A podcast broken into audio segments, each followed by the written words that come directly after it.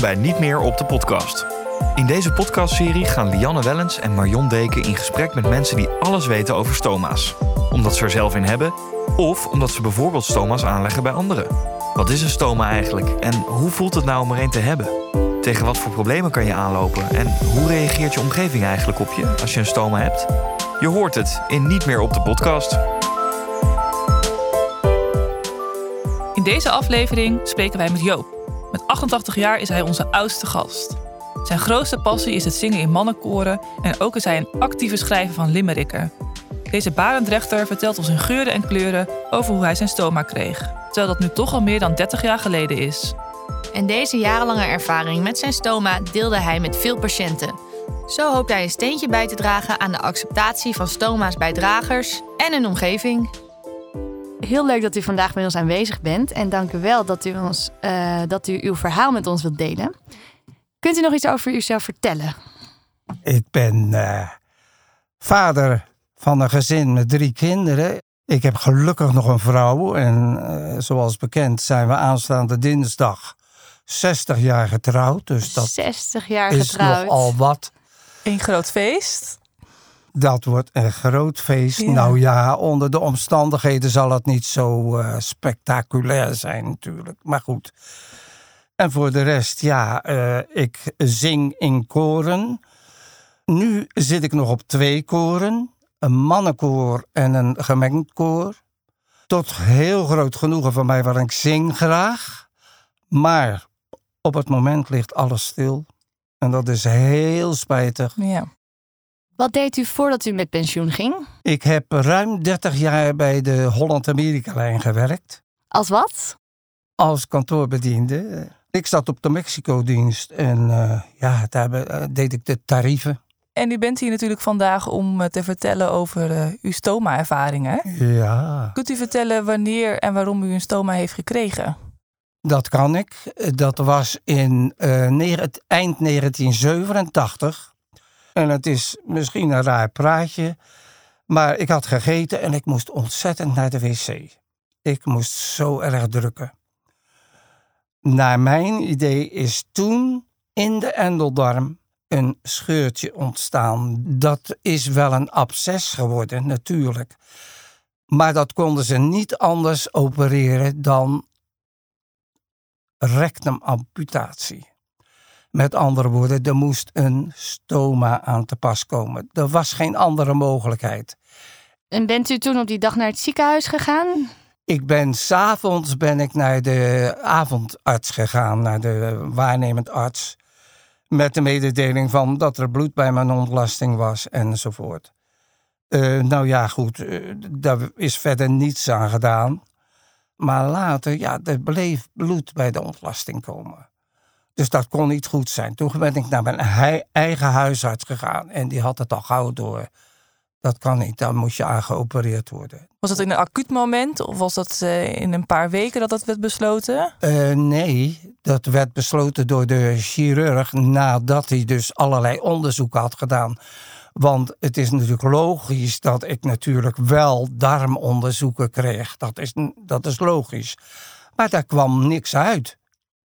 En u zegt dat werd besloten door de chirurg.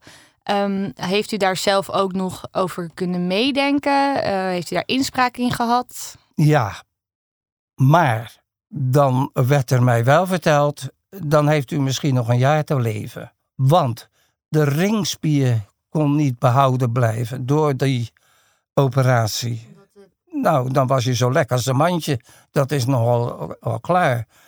En ik had het geluk dat het allemaal mee zat, laat ik het zo maar zeggen. Wat zat er Eh, mee? ik, nou, eh, k- kijk, je kan natuurlijk allerlei narigheid krijgen. Eh, Rimpels op je buik, om dan maar eventjes iets te noemen.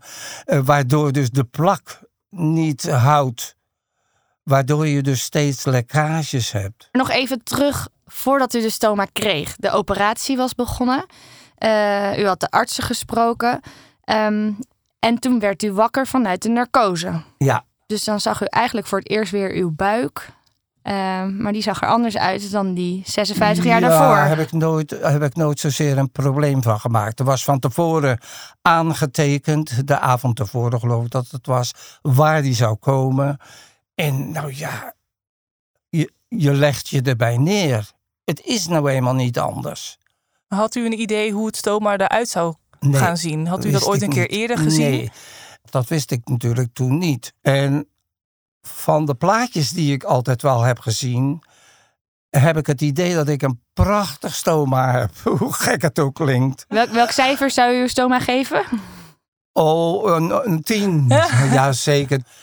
Het is een stoma van zeg maar een, een, een, een centimeter of anderhalve centimeter boven het vel, hè, boven de huid. Boven huid. Eh, ik weet dat er dus zijn met een hele slurf. Dat is als het ware een heel stuk darm wat eruit komt. Dat heb ik gelukkig niet.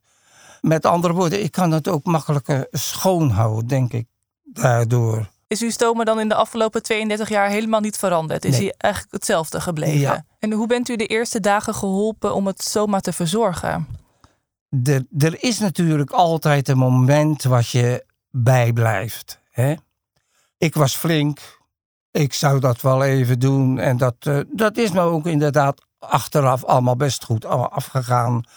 Maar ik weet nog goed, ik was zo flink. Ik liep naar die kamer waar al dat materiaal lag. Ik zou dat zelf wel eens eventjes doen. Dat heb ik ook gedaan, maar dat heb ik ook geweten op dat moment, dan voel je je toch wel erg minderwaardig. Want op dat moment dan loop je, en daar heb je geen erg in, dat je dan een ontbloot stoma hebt. Dan viel daar op de grond als van een koe. Dat is heel minderwaardig. Daar leer je van. Dat overkomt me niet meer. Ik zeg, ook in de bezoekdienst heb ik dat altijd gezegd. Eh, ga nooit op een kleedje staan in de badkamer. Want er kan elk moment kan er toch wat geproduceerd worden. Waardoor je dus narigheid hebt op de vloer of waar je ook op staat, op je matje. Want u heeft het over de bezoekdienst. De bezoekdienst heb ik net van u geleerd. Dat is eigenlijk een dienst die de Stoma-vereniging aanbiedt. En daarbij gaan. Ja, daar kun je je voor aanmelden als lid van de Stoma-vereniging. Eh, kun je je aanmelden eh, voor de bezoekdienst. Een wijk, of nou ja, zeg maar, hoe noem je dat? Een omgeving aangeboden. Waarin jij dus eh, naartoe gestuurd kan worden naar iemand die daar om vraagt. Moeilijkheden heeft of wat ook. Want hoe bent u erbij gekomen om die ervaring te gaan delen? Ja, dat zit een beetje in mijn karakter. Toen ik gepensioneerd werd, eh, toen ben ik ook als vrijwilliger eh, hier en daar aan het werk gegaan. Eh, er zijn voor je medemens, zeker voor de medemens die ook in narigheid zit. Als het jou goed gaat, laat het dan een ander weten dat dat kan. En dat je ook met een stoma van alles kan doen. Natuurlijk, je hebt wel bepaalde beperkingen. Zoals? Ik, ja, dat is een goede vraag. Want ik, ik, wou net gaan zeggen. Ik zou eigenlijk op dit moment niet direct kunnen zeggen van waar zit die beperking dan.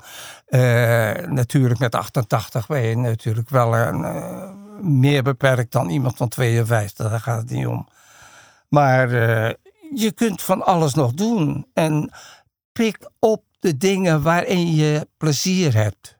Zoals ik dus al zei, in koren zong ik. Eh, ik heb ook nogal wat solo gezongen. Dat deed ik graag eh, als vrijwilliger in een, een verpleeghuis bij ons aan de overkant.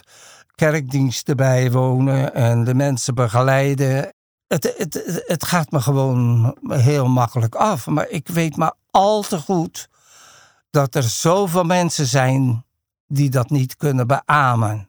Maar het, het, En dat is altijd het gevaar als ik te positief over deze dingen praat. ja, want zoals u het nu vertelt, klinkt het allemaal wel heel rooskleurig. Ja, ja. Eh, maar heeft u dan nooit iets vervelends meegemaakt? nou ja. Ja, ja, nou ja, goed, wat heet. eh, ik had een keertje lekkage op, een, eh, op mijn repetitie van, de, van het mannenkoor. En ik reed altijd mee met mijn buurman uit, bij ons uit het appartement. En eh, Jaap, ik moet naar huis, joh.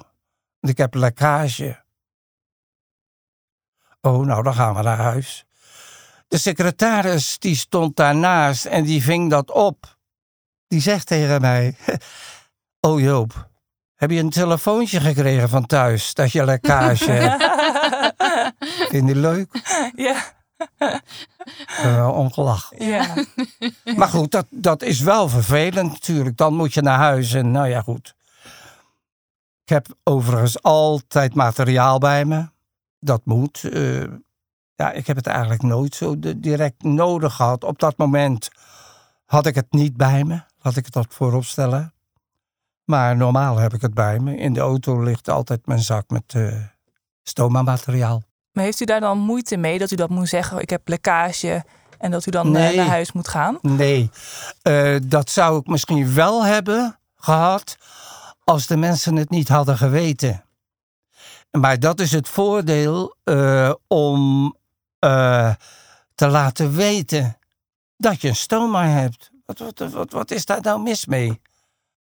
Wanneer vertelt u dat dan? Aan, aan... Nooit. Nooit? Nee. Als het te praat komt. Ja. Maar ik wil er geen taboe over hebben. Dat wil ik niet. En de meesten weten het wel om me heen. En als het te praat komt, nou, dan zeg ik het gewoon. En is het zo dat die gehoord wordt, hoewel ik dat de laatste tijd heel weinig heb, maar ik heb het in het verleden wel eens gehad. Dan moet je dat een klein beetje ondervangen door er een beetje een geintje van te maken. Zo, die wil ook meepraten, hoor je hem? Dan is gelijk het ijs gebroken, toch? Ja. ja. Ja, maar heeft u het idee dat u of andere mensen met een stoma uh, uh, wel eens onbegrip hebben in de omgeving? Nee. Nee hoor. Nee, dat heb ik niet. Het is een, misschien een raar fenomeen. Ik ben er heel positief in. Ik heb een paar keer heb ik uh, wel te bedden gebracht in het gezin. Van jullie zullen nou nooit eens vragen van uh, pa, hoe, hoe, hoe, doe je dat nou? Wat, wat, wat is er nou? Weet je wat ik dan als antwoord krijg? Ja, maar pa, we merken er bij u helemaal niks van. En dan denk ik, goh, het is toch eigenlijk wel mooi wat ze zeggen. Ja, maar pa, we merken er ook helemaal niks van. En ik denk dat dat bij iedereen zou moeten zijn, althans trachten ja. te zijn. Dus eigenlijk zo normaal geworden dat het niet meer opvalt. Ja. Nou, dat is ook zo. Ja. Ik ga s'morgens ga ik de badkamer in. En ik, zoals een vrouw zich maandelijks moet verzorgen, zo sta ik me s'morgens te verzorgen. Dat is toch heel gewoon? Ja, ja. Gewoon onderdeel van uw routine eigenlijk. Ja. Ja. Nou, dat is bij de dames toch ook? Dat, dat, dat is maar net Ja. wat je ervan maakt. Ja. Maar je kan zielig gaan zitten doen. En dat, dat, dat moet niet. Nee. Dat zou ik altijd adviseren. Ga niet, ga niet de, de, de, de, de zielenpoot uithangen, want dat is helemaal niet nodig. En u vertelde ons net al, aanstaande dinsdag eh, bent u 60 jaar getrouwd. Nou, Wat bijzonder. U heeft eh, drie kinderen en u heeft een hele set aan kleinkinderen. En weten uw kleinkinderen van uw stoma? zo ja. Ik heb het aan één eens laten zien. En hoe reageerde die? Nou, redelijk, eh, ja, gewoon. Ja, nee, niet, niet eh, overdreven.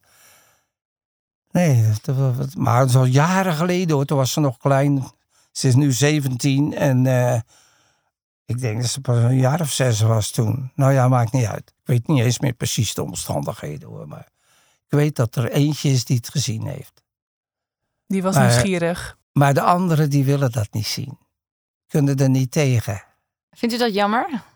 Ja, wat heet jammer. Ach, het is ook niet zo fraai om te zien. Maar meelevendheid is altijd eh, meegenomen. Dat ze weten dat dat niet zomaar wat is. Maar een stoma hebben hoeft niet zomaar iets te zijn hoor. Zo gemakkelijk. Dat heb ik ook aangegeven. Er zijn er die, die, die hebben daar zoveel moeite mee.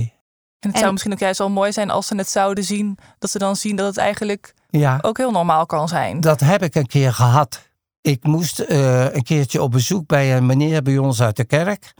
Die zou ook een stoma krijgen. En inderdaad, daar heb ik het laten zien. Wat hij zei? Is dat alles? Kijk, Ja, dat is mooi hè. ja. Dat is dan heerlijk. Dan heb je, dan heb je je taak volbracht daar op dat moment. Wat zou u mensen willen vertellen die eh, mogelijk binnenkort een stoma gaan krijgen? Dat ze er niet tegenop hoeven te zien om hem te hebben. Kijk, de operatie kan best wel tegenvallen of zo, dat weet je nooit. Maar het hebben van een stoma, daar hoeven de mensen niet tegenop te zien. Maar ik heb het al aangegeven, het gaat niet bij iedereen even gladjes daarna. Nou, meneer Witkamp, we hebben het net al eh, twee keer kort genoemd, maar inderdaad, dinsdag bent u eh, 60 jaar getrouwd. Zo, u gaat feest vieren met uw familie, vrienden, eventueel bezoek kleinkinderen. Houdt u dan speciaal rekening met uw stoma? Oh nee. Mijn vrouw die weet dat inmiddels natuurlijk wel ongeveer waar ze rekening mee moet houden. Peulvruchten, eh, nou, nou fijn, jullie kennen onder, onge- ongetwijfeld de dingen die kool en zulke soort dingen. Ja, dat, dat vermijdt ze zoveel mogelijk. Maar ik moet zeggen dat ik er ook wat dat betreft positief uitkom. Ik, eh, ik heb nauwelijks, ja, als ik uien eet, dan eh, wil dat nogal eens wat lucht geven. En eigenlijk het de tweede gedeelte van de vraag die ik wilde stellen, is over uw 60-jarige huwelijk. Wat is daarvan eigenlijk de succesformule?